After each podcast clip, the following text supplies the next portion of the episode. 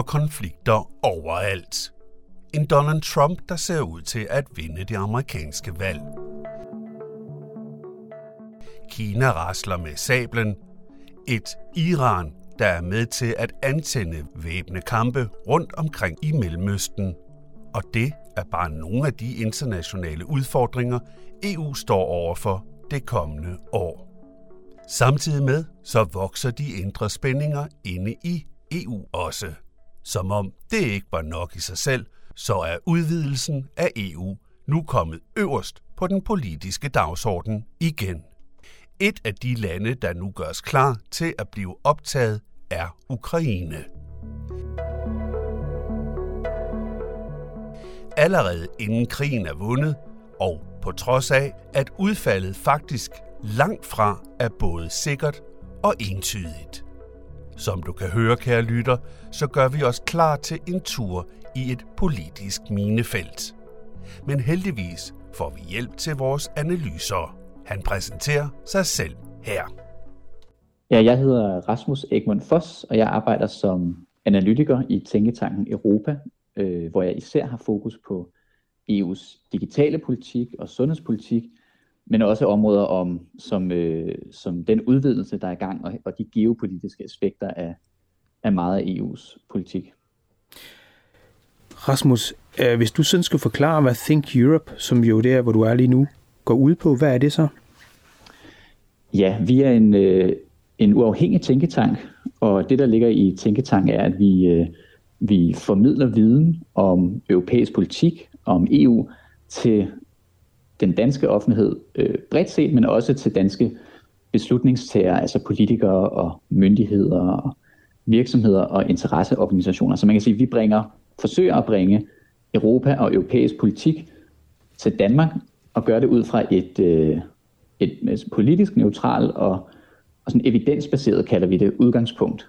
Når du sådan ser på EU, øh, og så ser på fremtiden, vi forestiller at du har en krystalkugle, Mm. Øh, jeg tænker, at der er temmelig mange usikkerhedsmomenter i fremtiden for EU.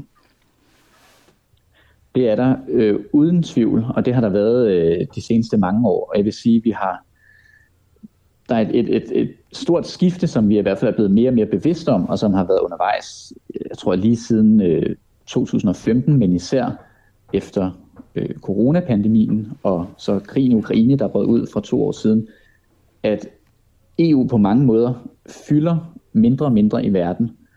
Øh, både økonomisk set, hvor vores, man kan sige, vores andel af den store globale økonomi er faldet, øh, alt imens Kina især er kommet op og fyldet mindre, og det giver os mindre magt på det område. Øh, og, og derfor er der større og større krav i EU om, at EU og Europa skal kunne mere selv, så vi ikke er så afhængige af, af omverdenen. Det var jo især meget tydeligt, da Rusland invaderede Ukraine og stoppede for Øh, eksporten af, af meget af den gas, som vi brugte i Europa, at vi havde opbygget en enorm stor afhængighed af, af Rusland på det område. Og det samme gælder øh, på mange områder en afhængighed af Kina, alt fra medicin til elbiler og kritiske råstoffer. Og der er meget af den udvikling, der sker i øjeblikket, handler om at blive mere uafhængig øh, og kunne mere selv. Og det ser man altså på en bred vifte. Øh, som, som, som, vi kan, som vi kan komme på tværs af her. Jeg tror, et af de allervigtigste, det er på det sikkerhedspolitiske område, altså i forhold til øh, forsvar, at der har krigen i Ukraine bare vist, at, at Europa og, og det forsvar, vi har, kan ikke forsvare det europæiske territorie. Så øh, helt konkret i konflikten, øh, eller krigen i Ukraine, der er vi meget afhængige af amerikanerne og deres forsvar. Og øh, og med udsigten til et præsidentvalg senere på året, hvor Donald Trump jo muligvis kan gå hen og blive den næste præsident, så er det noget, der har affødt enormt mange diskussioner om, hvordan vi kan i Europa øh, blive mere uafhængige og have et stærkere forsvar selv. Og det tror jeg egentlig kommer til at ske, uanset om Trump vinder eller ej, fordi det er en, en større udvikling, der er i gang, hvor øh, USA i højere grad ser mod Kina og det er der, hvor de definerer deres hvad kan man sige, afgørende interesse eller, eller konflikt, så at Europa kommer til at skulle tage større ansvar for, for, for eget forsvar. Og, øh, og det, det er i høj grad et område, hvor EU kommer ind, fordi man kan jo sige, at der er mange nationale forsvar, hvor øh, de er samlet i, i NATO-samarbejdet. Øh, men det kommer ikke kun til at handle om, at de enkelte europæiske lande skal bruge flere penge øh, på forsvaret. Det er en vigtig del af det. Men allerede i dag, så bruger øh, de europæiske NATO-medlemmer til sammen næsten fem gange så meget på forsvaret, som Rusland gør. Og alligevel er vi altså dybt afhængige af USA. Så på det sikkerhedspolitiske område er Europas udfordring i høj grad også at blive bedre til at koordinere, øh, hvad kan man sige, især forsvarsindustrien, altså hvordan vi producerer øh, våben, men, men også i det hele taget øh, forsvarspolitikken. Og det er et, et område, hvor EU allerede er begyndt at fylde øh, mere, og, og det kommer kun til at, øh, at, at gå længere, tror jeg. Også helt konkret i forhold til det valg, der er i USA senere på året, som er det mest definerende valg i år, øh, kommer til at fylde rigtig meget. Nu nævner du jo, at vi bruger langt flere penge på forsvaret, end Rusland for eksempel har, og så kan man jo godt få den tanke, at Europa åbenbart er jo ekstremt ueffektiv til at bruge sine penge. Er det det, der taler om? Det er helt klart en del af svaret. Øh, og det er forskelligt fra medlemsland til medlemsland, men vi har jo set sager i, i Danmark, men også i Tyskland, at, at vi får simpelthen ikke nok for de penge, vi bruger. Og øh, fordi de er, er delt op i siloer, kan man sige nationale kasser, øh, så, øh, så så kan man heller ikke i praksis sammenligne summen af de europæiske forsvarsbudgetter med for eksempel det, der er i et land som Rusland eller et land som USA. Men når vi kigger samlet set, så, så er det klart, at, at det ikke er effektivt nok, som det er i dag, og vi ikke får nok for, for pengene. Øh, og der er jo så igen ja, to veje frem. Det ene er, som er det, der sker nu, og som helt klart kommer til at fortsætte, at alle lande vil bruge mere på deres forsvar. Og det andet spor er, at øh, netop at vi skal blive mere effektive, og det indebærer blandt andet, at vi skal blive bedre på tværs af de europæiske lande til at koordinere øh, øh, vores forsvarsindustri og have en, en mere samlet strategi på det område. Og her ser du altså EU som nøglerolle. Jeg, jeg ville jo umiddelbart have tænkt, at det var NATO-regi, det her skulle ske i. Ja, altså NATO øh, er fuldstændig afgørende til at koordinere styrkerne og, og koordinere det, man gør hvad kan man sige, på jorden. Men når det kommer til f.eks. forsvarsindustri, og hvordan vi producerer ammunition, våben osv., der spiller NATO ikke en rolle, men det er et område, hvor EU står meget stærkt, altså på det industripolitiske, og et område, hvor EU som institution også har nogle helt andre muskler, øh, som den kan gå ind og bruge. Og det samme gælder også øh, i for eksempel i forskning og udvikling af, af nyt forsvarsmateriel, og det er her, hvor at, øh, EU står meget stærkt. Så der er en, en meget klar rollefordeling, som er blevet, kun er blevet mere tydelig efter krigen i Ukraine, at der skal, vi skal både have NATO og EU, men de komplementerer i virkeligheden hinanden øh, på to forskellige måder. Og netop det her spørgsmål om at blive mere effektiv og have et mere samlet europæisk forsvar, der er det EU, der i høj grad kan gå ind og, og, og hjælpe til at, øh, og spille en rolle. Rasmus Egmont Foss fra Tænketanken Think Europe. Jeg tænker jo, du nævnte Trump, og hvis vi nu forestiller os, at han vinder valget, øh, har vi nogen som helst idé om, hvad det vil få betydning for EU? Nej, det er meget svært at forudsige. Der er jo mange, der spekulerer i det, men øh, jeg tror, det mest tydelige område, som er det, vi allerede øh, har talt om nu, det er på forsvarsområdet, at Trump har, har truet med, eller luftet ideen om, at, at NATO på en måde skal sættes lidt på pause, eller at USA ikke vil tage deres øh, forpligtelser lige så alvorligt. Og det er jo selvfølgelig noget, der øh, virkelig øh, skaber bekymringer i Europa, og som, som ansporer den her udvikling. Så er der jo en masse åbne spørgsmål om, øh, hvordan Trump vil, vil agere på det økonomiske område. Øh, for det første, så er der en en, øh, jeg ved ikke, om man skal kalde det en bekymring eller en forventning om, at den store øh, klimainvesteringspakke, som øh, Biden har, har gennemført, hvor de investerer i høj grad i infrastruktur og grøn energi, at han vil rulle den tilbage. Det kan få store konsekvenser for Europa, fordi det er noget, som vi de seneste år har været øh, ret bekymret for, at vi går ind og true EU's konkurrenceevne på det grønne område, og som også har fået EU til at gøre mere for f.eks. at støtte vindenergi eller eller, eller andre grønne teknologier. Så er der hele spørgsmålet om, hvordan Trump vil agere over for Kina, og den konflikt, som i høj grad øh, eller har, har meget stor betydning for, øh, for resten af verden. Altså, da Trump var præsident sidst, øh, startede han en, en handelskrig med Kina, hvor de begyndte at lægge øh, sanktioner og, og, og tolv på hinandens, øh, på, på nogle af hinandens veje i hvert fald, især inden for nogle meget øh, højteknologiske øh, sektor.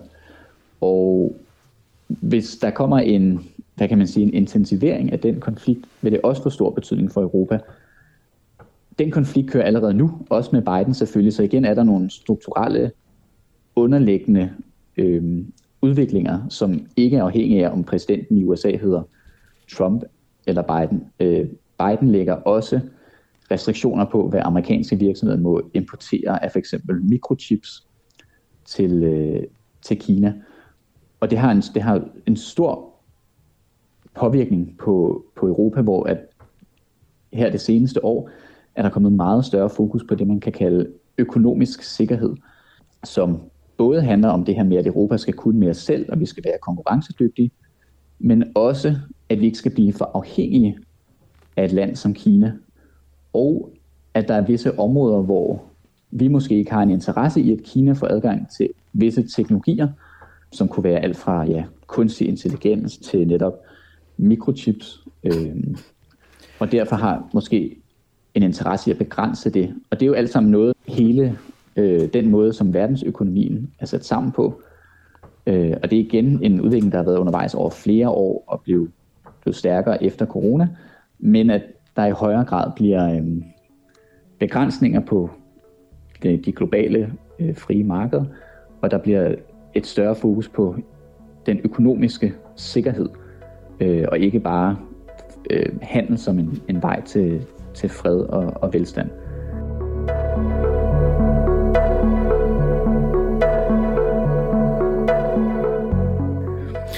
Jeg tænker, at når jeg kigger sådan i den krystalkugle, i hvert fald som sidder lidt fast, og det er altså de her valg, som kommer. Du nævner selv valg i USA, men der er jo også valg andre steder. Øh, blandt andet er der også valg i Europaparlamentet. Mm. Øh, hvilke usikkerheder fører det med sig? Det er jo ikke sikkert, at de samme mennesker, som sidder i embedet i dag, også er dem, der sidder i embedet i morgen. Så, så hvad, hvad betyder det så for EU's politik fremover? Det er rigtigt. Det bliver enormt spændende, og man kan sige først og fremmest, så øh, kommer det her Europaparlamentsvalg til at betyde, at ja, der kommer et, et nyt parlament, der kommer en ny kommission med nye øh, kommissærer, og efter valget, der skal så laves en ny dagsorden for de næste fem år, øh, for at sige, hvad er det EU skal, skal satse på, hvor skal vi hen. Dem er selvfølgelig taget udgangspunkt i det, som den nuværende kommission allerede har at gøre. Men der kommer altså til at være en diskussion, en strategisk diskussion om, hvor øh, EU skal hen. Og jeg tror, selve valget, det er jo det er altid svært for det første at sige, øh, hvordan det falder ud i forhold til, om det er højrefløjen eller venstrefløjen eller midten, der bliver styrket. I øjeblikket ser det ud til i målingerne, at højrefløjen bliver styrket, men at de tre traditionelle midterpartier i Europaparlamentet, som er kristendemokraterne, øh, de liberale og så øh, socialdemokraterne, det ser ud til, at de stadig kommer til at få et, et flertal. Men jeg tror, den udvikling, vi til gengæld ser, er, at emner som øh, klimapolitik og landbrugets rolle her har en, en meget, meget stor indflydelse. Og det er et, et konkret sted, hvor valget godt kan betyde ret meget. Øh, fordi der er meget stor forskel på, hvordan lad os sige, venstrefløjen og, og højrefløjen ser på det emne, og hvilken rolle det skal spille i, i den europæiske politik. Altså de sidste fem år, der har EU været meget ambitiøse på, på, på klimapolitik og indført en, en masse lovgivning, men øh, der er kommet flere og flere protester, øh, især af nogle af de her højorienterede partier, og også kristendemokraterne, som er sådan et centrum-højre parti, om at det har for store konsekvenser for for, for landbruget som erhverv, men også for landmændene og landområder. Øh, så der er virkelig en, en vigtig balance, der, der skal findes der, og der kan valget få, få meget stor indflydelse. Så er der nogle andre områder, hvor jeg tror, selve valget kommer ikke til at betyde lige så meget. For eksempel, som vi talte om før, på det, øh, sikkerhedspolitiske, på forsvaret, der er ret stor enighed om, hvilken vej det skal gå, men også på et, et område som øh, EU's udvidelse.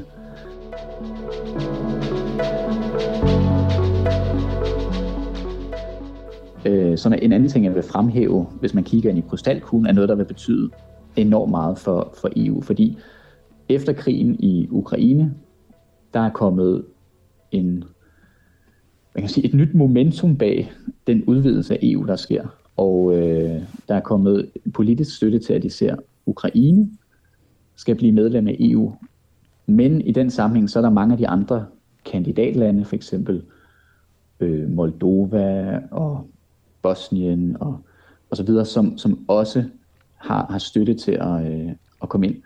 Og hvis man lige pludselig forestiller sig, at EU skal gå fra at være 27 medlemmer til potentielt over 30 inden for en lad os sige, 10-årig periode, så bringer det en masse diskussion om, hvordan EU så skal se ud, fordi det må ikke ske på bekostning, altså udvidelsen og de flere medlemmer må ikke ske på bekostning af, hvad EU så kan gøre, hvad de kan blive enige om. Der er mange områder, hvor man har, hvor, hvor medlemmerne har vetoret, og for hver eneste nyt medlem, der kommer, så er der en vetoret mere, som kan blokere meget af den politik. Så der er enormt mange diskussioner i øjeblikket om, hvad den udvidelse kommer til at, at betyde.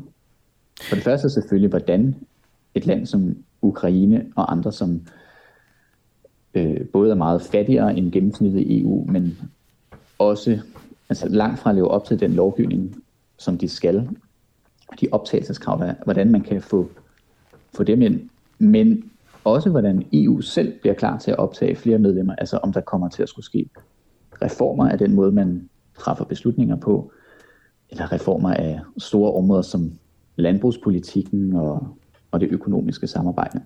Jeg, kan, jeg kan ikke lade med at tænke, Rasmus, øh, når du siger på den ene side, at øh, EU skal rykke tættere og tættere sammen for at blive en global spiller og koordinere også i forhold til sikkerhedspolitikken og alle de ting, du nævnte, men på den anden side så kommer udvidelsen, øh, som jo gør, at EU-samarbejdet bliver mindre effektivt. Som du selv nævner, der er flere, der har vetoret.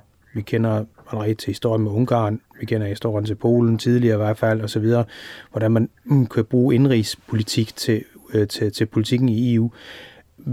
Øh, spiller de to ikke mod hinanden, altså et mere effektivt EU, et krav om mere effektivt EU på den ene side, og så en masse udvidelse på den anden side? Jo, det kan man godt sige, det er et, et kæmpe dilemma. Altså man kan sige, på den ene side, der er dem, der siger, at ved at EU udvider sig og får flere medlemmer, så bliver EU stærkere, fordi det bliver større, altså både territoriemæssigt, men også den samlede økonomi, øh, og derved kunne, kunne spille en stærkere geopolitisk rolle. Så er der selvfølgelig på den anden side et argument om, jo, hvordan skal EU så blive ved med at træffe beslutninger, hvis vi har flere og flere? Hvordan kan vi blive enige? Og det er derfor helt konkret diskuterer man i øjeblikket ting som, hvorvidt øh, EU skal gå fra, som det er i dag, når man træffer beslutninger om, om sikkerhedspolitik, hvor alle skal være enige, og man så skal erstatte det med øh, en procedure, hvor man så har et kvalificeret flertal. Og det er jo også enormt dilemmafyldt for mange lande, fordi staterne og regeringslederne kan jo godt se det her dilemma, som du beskriver, men, øh, men vil jo samtidig gerne bevare retten til at bestemme over nogle meget, meget øh, sensitive ting, eller ting, der kan handle om sikkerhedspolitik. Så det er virkelig et enormt dilemma for EU, og det, det er også noget, der, der, øh, der forandrer den måde, EU fungerer på, og selve sådan idéerne bag det, fordi EU har jo typisk været et, et handelssamarbejde, øh, men når det så handel og økonomi i højere grad bliver forbundet med det her spørgsmål om sikkerhed, som ellers er et, et sådan nationalt anlæggende, anlæggende, så opstår de her dilemmaer, som, øh, som der ikke er nogen helt klare svar på, og som der er nogle meget store øh, politiske stridigheder omkring. Øh, man kan sige, det behøver ikke at være sådan, at, at EU bliver, bliver sværere i processen, men det afhænger enormt meget af netop, hvordan man finder den balance i, at EU stadig er, er beslutningsdygtigt, for det første, og at, øh, ja, at, de, at de reelt set kan, kan, kan operere og træffe beslutninger, uden nødvendigvis, at alle lande er med ombord.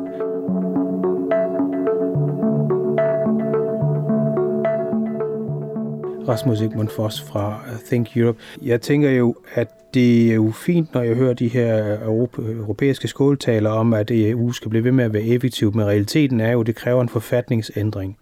Og forfatningsændringer ligger vel ikke lige om hjørnet. Så hvis jeg husker, så er de fleste ret bange for det.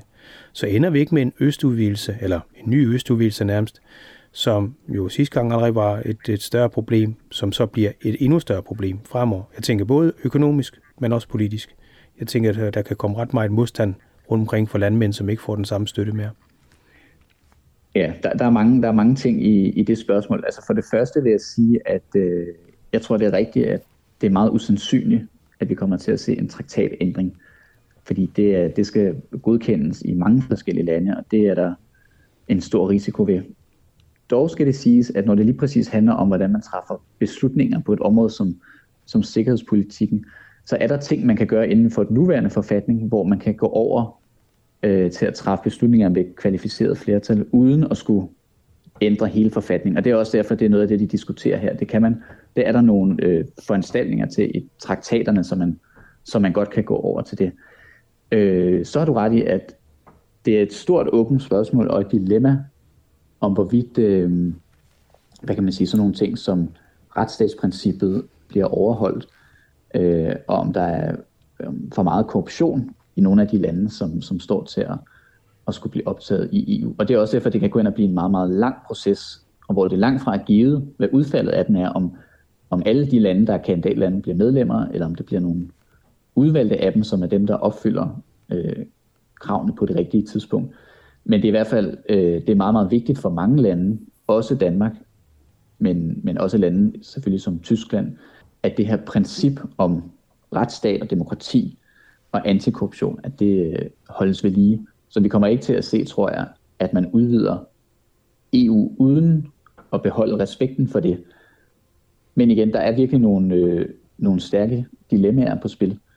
Øh, fordi det er også svært at se alternativ, hvor Ukraine for eksempel ikke bliver medlem af EU, i forhold til hvilken øh, øh, situation det så stiller dem i, som en, en stat mellem Rusland, der jo tydeligvis har, har onde hensigter, og, øh, og så EU på den anden side. Og de, kan, de har allerede fået et meget, meget tæt forhold til EU, som jo går ind og låner penge til den ukrainske stat, og, og donerer penge, og er i gang med et helt sådan, reformarbejde ud fra det løfte om, at Ukraine skal med. Men, men jo, der er der er kæmpe dilemmaer, og det er meget, det er meget svært at spå helt præcis om, hvordan det kommer til at blive, om, om de europæiske lande overhovedet formår at, at føre EU et sted hen, hvor det kan være øh, netop ja, effektivt.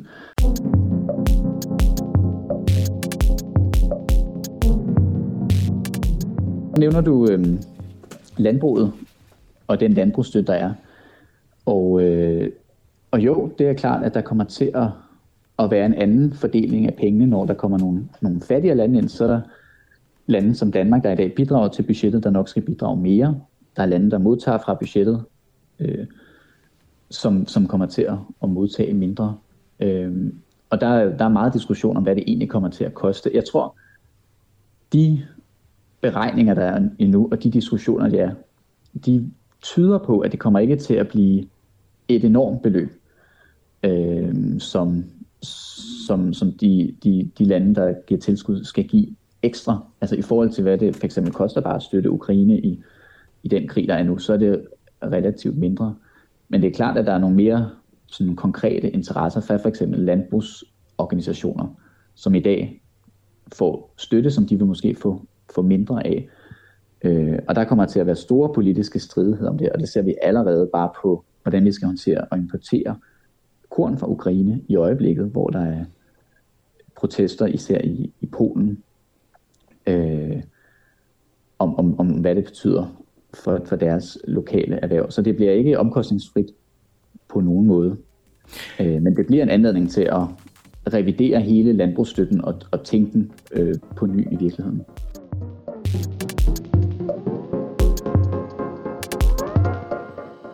Der er jo et øh, ordsprog eller en talemåde, der siger mange begge små, og her tænker jeg lidt på, at der findes jo så sure landmænd i fremtiden. Der findes også nogen, som vil være se deres nationalstat frataget en masse rettigheder, fordi at EU-samarbejdet bliver tættere på. Jeg tænker på et Holland, som i hvert fald også bliver mere populistisk, som, eller hvis man vil kalde det det, eller i hvert fald mere, øh, som har en meget mere national kurs fremover, øh, hvis, hvis det fortsætter på den her måde, og faktisk begynder at tale åbent om at gå ud af EU. Den her bevægelse både er en udvidelse af EU, men også en, en styrkning af EU indadtil, kan den ikke medføre så mange indre spændinger, så EU faktisk går i stykker? Det er klart. Jo, det er der en risiko for. Altså, jeg tror ikke, vi kommer til at se en, en meget stor styrkelse af det indre EU nødvendigvis. Altså forstået på den måde, at vi kommer til at afgive en masse suverænitet og lægge mange flere beslutninger over i, i EU øh, fra nationalstaten. Det er der simpelthen for stor modstand til, som du også nævner, rigtig mange steder. Så jeg tror, øh, før man kan tale om, om, om splittelser og mulige, at der er flere lande, der træder ud, så tror jeg, at det er, man skal starte med at kigge på, hvor sandsynligt er det egentlig, at, at EU kommer til at øh, blive styrket på den front. Altså, jeg tror, det er mere sandsynligt netop, at EU bliver større med flere lande, og det kommer til at give nogle nye muligheder. Øh, og man bliver ved med at forhandle meget, meget hårdt om, hvad nationalstaterne skal kunne, og hvad EU skal kunne. Men det andet grundlæggende dilemma, som går tilbage til det her spørgsmål om, hvad er EU's globale rolle, er, at fordi EU fylder mindre og mindre globalt, både økonomien og på andre områder, og vi er afhængige af omverdenen, øh, så er der problemer, vi simpelthen kun kan løse i fællesskab. Det er jo også derfor, vi har et, et EU i dag. Og der er større og større efterspørgsel blandt landene om, at EU skal kunne gå ind og løse nogle udfordringer. For eksempel at styrke Europas konkurrenceevne på, på grøn teknologi og, og den grønne dagsorden.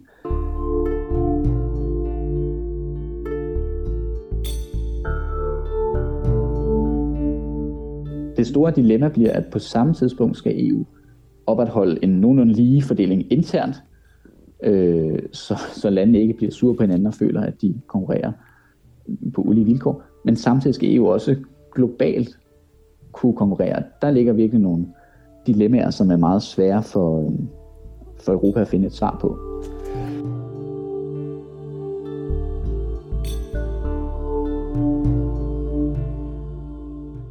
En ting, jeg også undrer mig over, det er, at man allerede nu regner med Ukraines optagelse. Krigen er, så vidt jeg ser, ser det, ikke vundet endnu. Og alligevel så regner man med optagelsen. Er der et politisk spil i gang, altså et diplomatisk spil?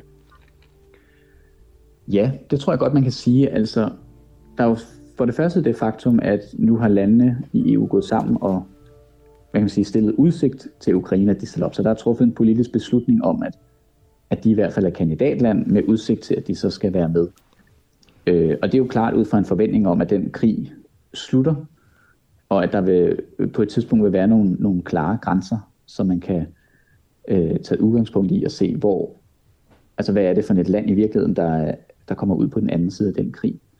Og det er rigtigt, det er, det, det er svært, fordi krigen stadig er i gang, at, at forudsige præcis, hvordan det bliver, men alternativet til, at man skal vente til, til slutningen, øh, er, er muligvis endnu værre, og man skal heller ikke undervurdere, at årsagen til, at politikerne øh, lover medlemskab og, og taler om udvidelsen, som om det er et, faktum, det er, at det er det, der ligesom er drivkraften også for Ukraine. Altså det er jo den drøm, de kæmper for øh, på slagmarken, netop en fremtid tættere på det europæiske samarbejde end på Rusland.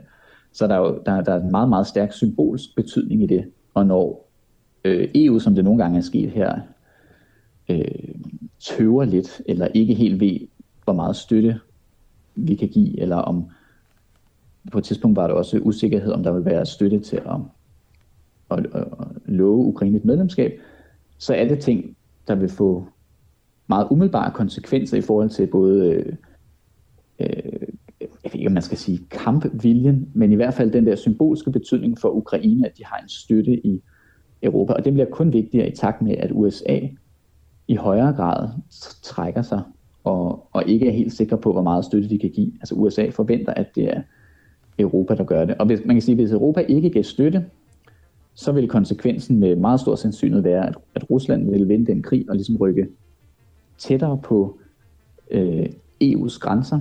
Måske også ville, det er jo ren spekulation, men det er jo det argument, som, som som bliver lavet, at de også vil være interesseret i at rykke ind i andre lande, og på den måde sådan destabilisere regionen, den, den østlige grænse i Europa, og det har EU absolut ingen interesse i, og det alternativ er nok langt værre end en, en svær optagelsesproces med, med alle de her dilemmaer. Så man skal altid holde i tanke om, hvad er det alternativet er, og i hvert fald også bruge det til at forstå, hvorfor politikerne øh, handler, som de gør.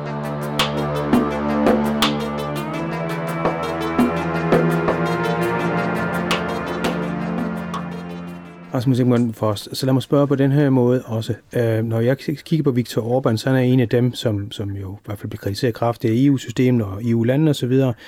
Men han spørger jo, er vi sikre på, om de nu også vinder krigen, altså ukrainerne? Det kan jo godt gå øh, hen og blive sådan, at øh, russerne vinder.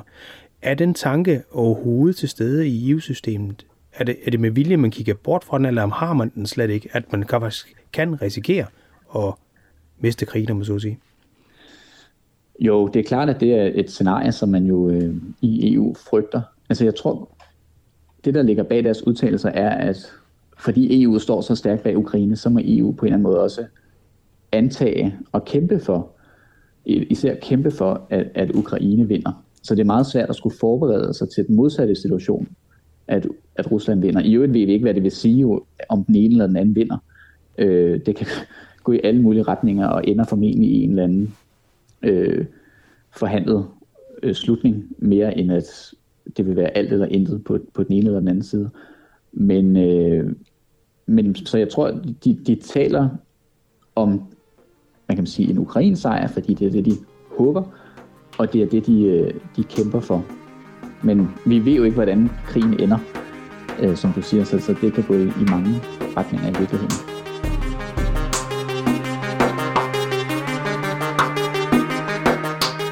Hvis vi opsummerer det her, som vi to nu har talt om, sådan i løbet af udsendelsen her, øh, så er der temmelig mange usikkerhedspunkter. Er det her helt almindeligt business as usual? Vi ved aldrig, øh, hvad der kommer til at ske, eller er det blevet værre, altså med alle usikkerhederne?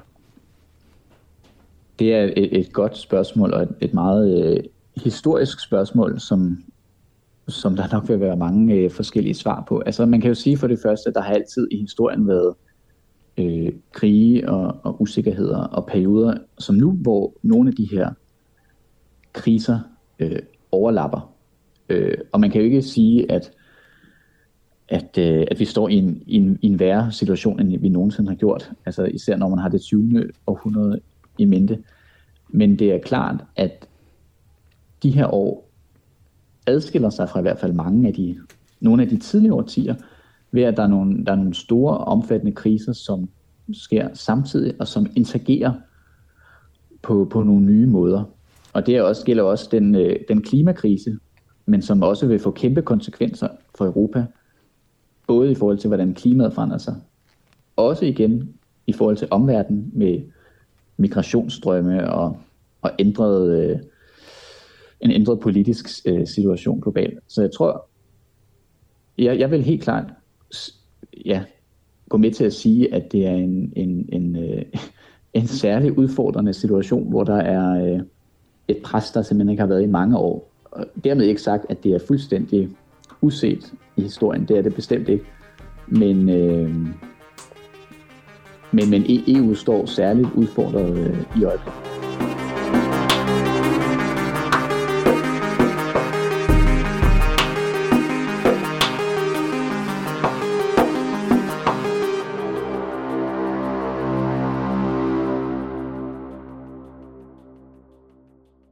Sådan lød analyserne fra Rasmus Egmont Foss, analytiker hos tænketanken Think Europe.